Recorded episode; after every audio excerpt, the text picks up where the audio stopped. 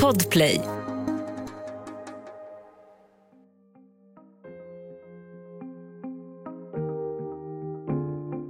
På eftermiddagen den 11 december 2010 sitter den 56-åriga skräddaren Tony Chalhoub och arbetar i sin ateljé i centrala Stockholm. Då hörs en smäll som får marken att vibrera. Jag sprang ut och då såg jag att en människa föll ner om man säger så. Sverige har inte bara drabbats av en terrorattack utan också av landets första självmordsbombare. En man som hade kunnat ta Tony Chalhoubs liv. Oj, det är sex bomber kvar. Ska smälla. Men vad är det som har hänt? Och hur påverkas livet för Tony Chalhoub som befinner sig bara 10-20 meter från självmordsbombaren? Du lyssnar på Jag var där med Lisa Wallström och mig, Andreas Utterström. Nytt avsnitt varje onsdag om du inte lyssnar i Podplay-appen. Där finns säsongens alla avsnitt redan nu, helt gratis.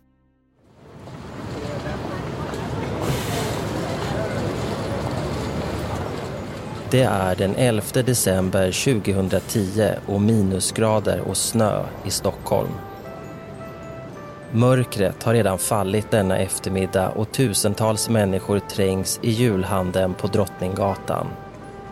Vissa är på väg till varuhuset Åhléns, andra ska ta tunnelbanan hem från T-centralen och turisterna de går som alltid i riktning mot Gamla stan. Men det finns en person som sticker ut. En 28-årig man som går fram och tillbaka längs Drottninggatan Precis som alla andra är mannen klädd i vinterjacka. Men under sin bär 28-åringen ett bombbälte med sex sammankopplade rörbomber. Ryggsäcken är fylld med spikar och fem kilo sprängmedel. Vid femtiden på eftermiddagen den 11 december 2010 svänger 28-åringen in på Bryggargatan en av gatorna som korsar Drottninggatan i centrala Stockholm.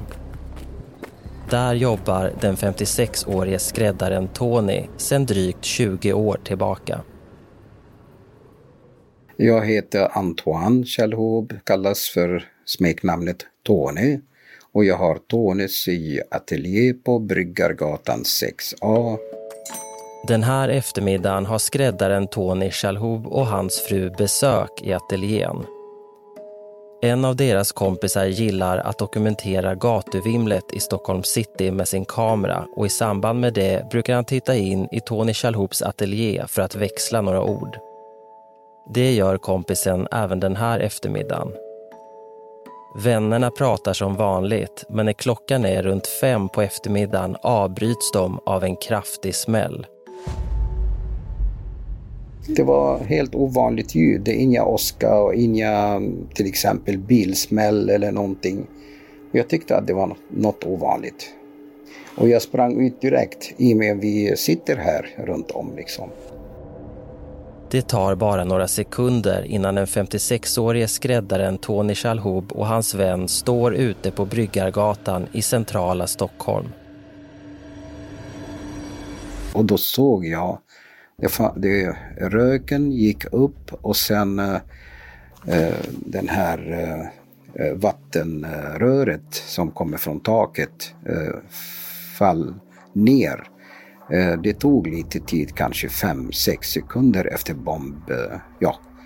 Och eh, jag såg att en människa som stod och ja, föll ner om man säger så. Och Sen när jag sprang dit, då började folket samlas. Minst det, det var kanske åtta personer som var runt omkring och sen eh, då skrek de när jag var precis vid liket, om vi kallar det. Så skrek de Oj, det är sex bomber kvar. Ska smälla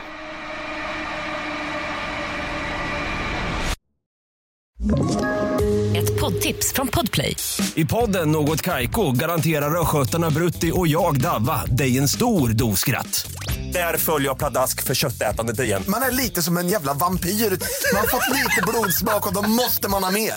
Udda spaningar, fängslande anekdoter och en och annan arg rant.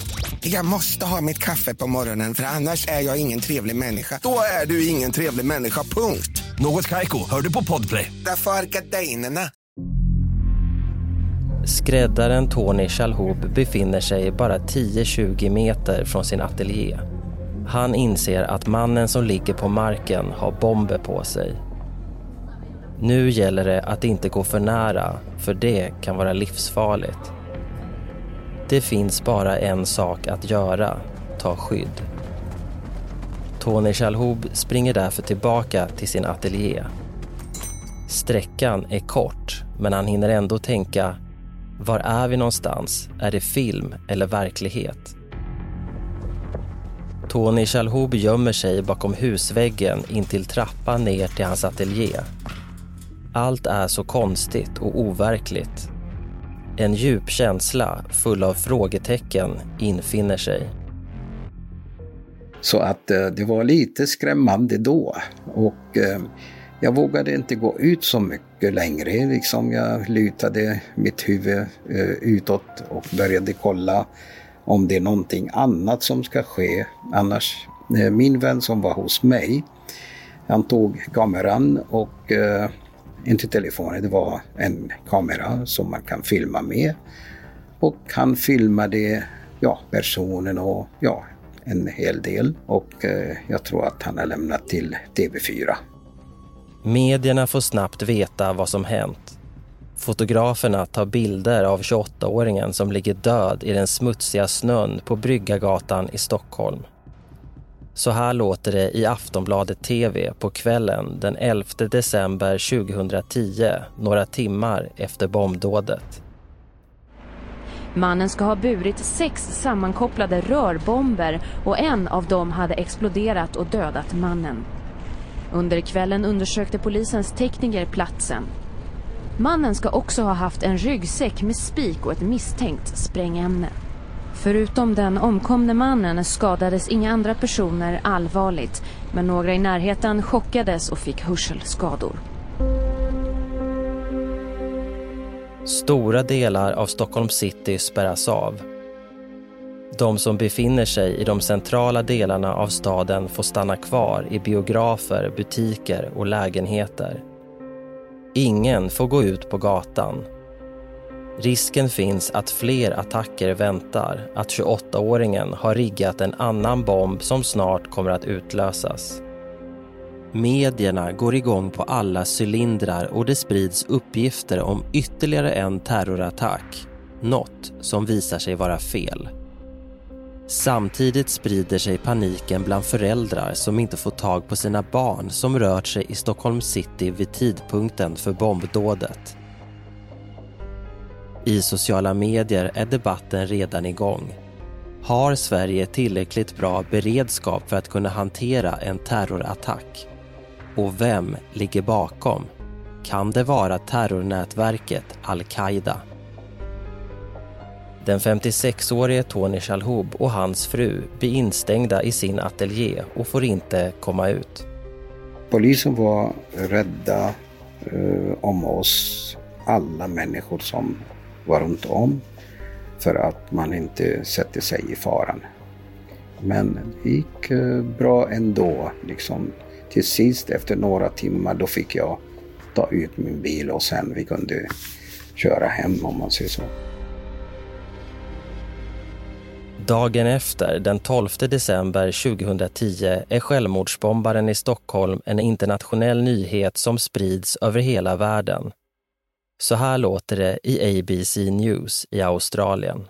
Overseas now, and Swedish police say they're treating yesterday's bomb blasts in central Stockholm as an act of terrorism.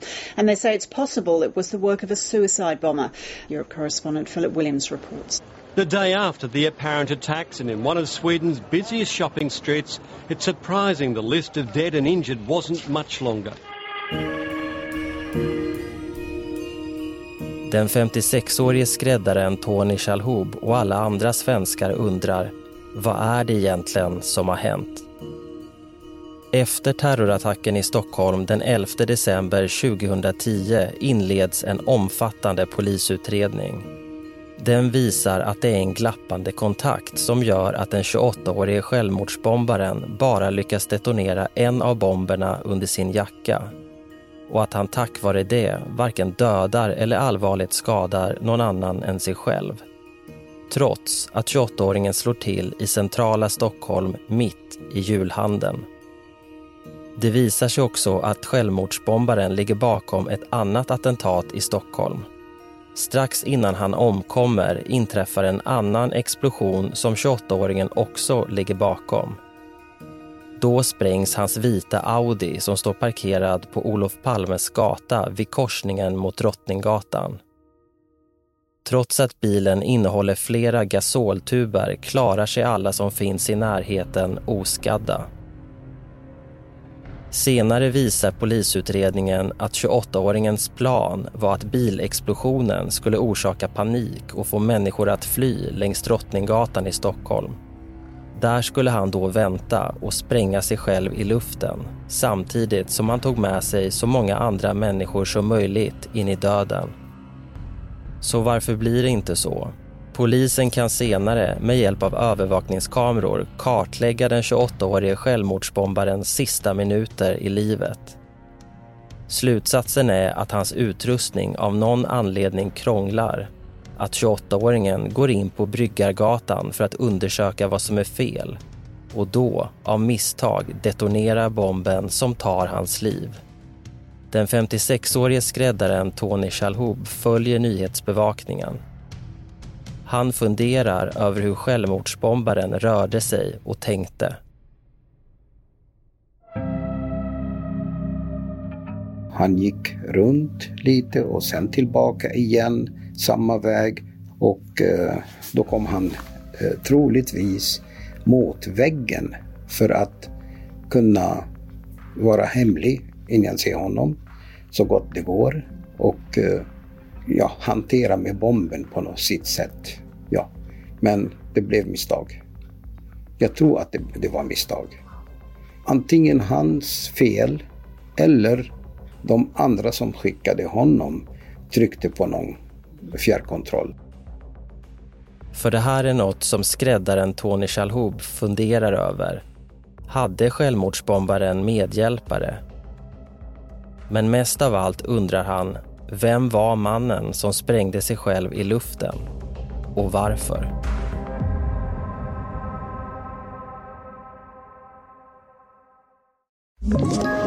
Ett poddtips från Podplay. I podden Något Kaiko garanterar östgötarna Brutti och jag, Davva, dig en stor dos skratt. Där följer jag pladask för köttätandet igen. Man är lite som en jävla vampyr. Man har fått lite blodsmak och då måste man ha mer. Udda spaningar, fängslande anekdoter och en och annan arg rant. Jag måste ha mitt kaffe på morgonen för annars är jag ingen trevlig människa. Då är du ingen trevlig människa, punkt. Något Kaiko, hör du på Podplay. Därför är gardinerna. Efter bombdådet i Stockholm den 11 december 2010 vände polisen på varje sten. Vem är självmordsbombaren egentligen? Han heter Teimur Abdulwahab och föds i Irak. Som tioåring kommer han till Sverige och växer upp i Tranås. Där är Teimur Abdulwahab som vilken idrottsintresserad kille som helst.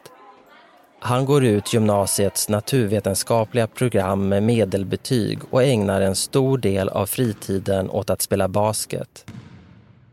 Dagens Nyheter intervjuar senare en person som kände Teimur Abdulwahab under uppväxten i Tranås och som säger Det är svårt att förstå att det verkligen kan vara han. Jag minns honom som en i laget. Det var alls ingenting konstigt eller speciellt med honom. Han var absolut inte utstött eller någon enstöring eller så. Det är först när den 20-årige Teimur Abdulwahab 2001 flyttar till Luton i Storbritannien för att studera till sjukgymnast som han förändras. Luton är en fattig industristad några mil norr om London. Men den är också känd för att vara en grogrund för islamistisk extremism. Den brittiska terrorexperten Lucy James berättar för Svenska Dagbladet att radikaliseringen inte sker i den traditionella moskén eftersom den har blivit en samlingsplats för äldre. Istället predikas extremismen i föreningar, människors hem eller på nätet. 2004 tar den 22-årige Teimur Abdulwahab examen i sportterapi från universitetet. Samma år träffar han också sin fru. Mellan 2007 och 2010 får paret tre barn tillsammans, två döttrar och en son. Men under den här perioden blir Teimur Abdulwahab också utesluten från Islamic Center där han brukar be eftersom han anses alltför radikal i sin syn på islam. Ändå säger alla i Abdulwahabs närhet att de inte anar någonting när 28-åringen i november 2010 åker hem till Sverige för att besöka släktingar i Tranås. En månad senare, vid lunchtid den 11 december tar han bilen till Stockholm för att utföra sitt terrorattentat. På vägen, ungefär tre timmar innan bombdådet, stannar 28-åringen vid en bensinstation i Östergötland. Så här låter det när Expressen TV 2011 beskriver vad bensinstationens övervakningskameror visar.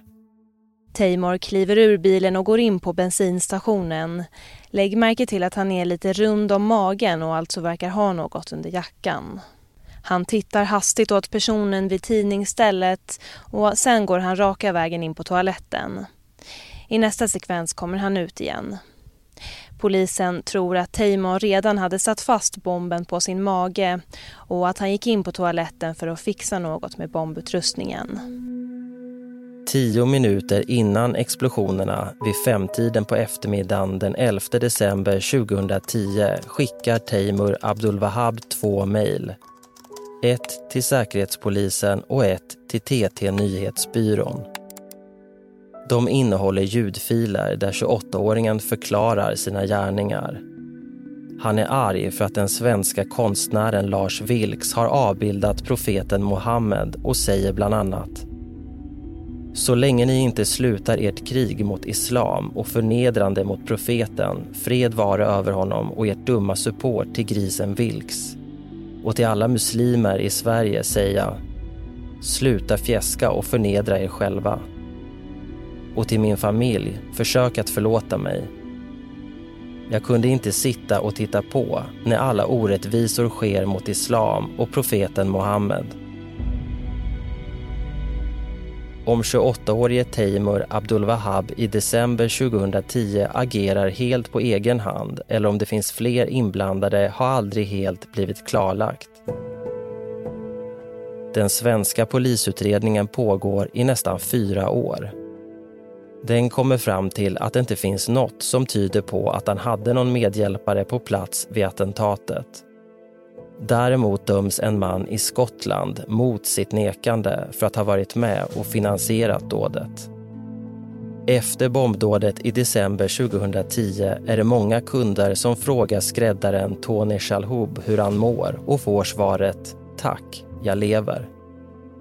Men idag 13 år senare är självmordsbombaren inget som 69-årige Tony Shalhoub tänker på särskilt ofta. Det kanske låter lite konstigt eftersom vissa som är nära döden på samma sätt som han var 2010 påverkas väldigt starkt. Vågar inte jobba kvar, sover oroligt om nätterna, får ångest. Men skräddaren Tony Shalhoub är fatalist, tror på ödet och den 11 december 2010 var det helt enkelt inte hans tur. Det kommer minnet ibland. Men jag är inte rädd direkt någonting. Nej. Det har påverkat jobbet. Det blev mindre jobb. Jag vet inte om folket har blivit lite skrämda på något sätt på grund av bomben. Om det skulle varit eh, lite mer eller så. ja, det har påverkat kanske 10-20 procent eller så. Men det finns en sak som skräddaren Tony Shalhoub har haft svårt att släppa.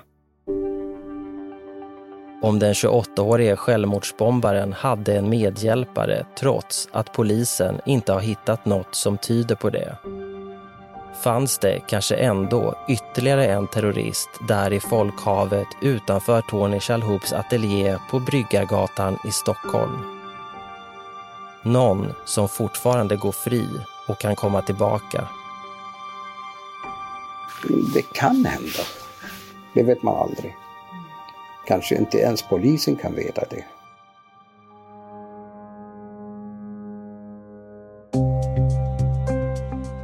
Du har hört Jag var där med Lisa Wallström och mig, Andreas Utterström. Producent är Andreas Karlsson. Exekutiv producent på Podplay, Victoria Rinkos. Det här är en produktion av Commercial Content för Podplay. Läs mer om commercial content på vår sajt och följ oss gärna på Instagram och LinkedIn.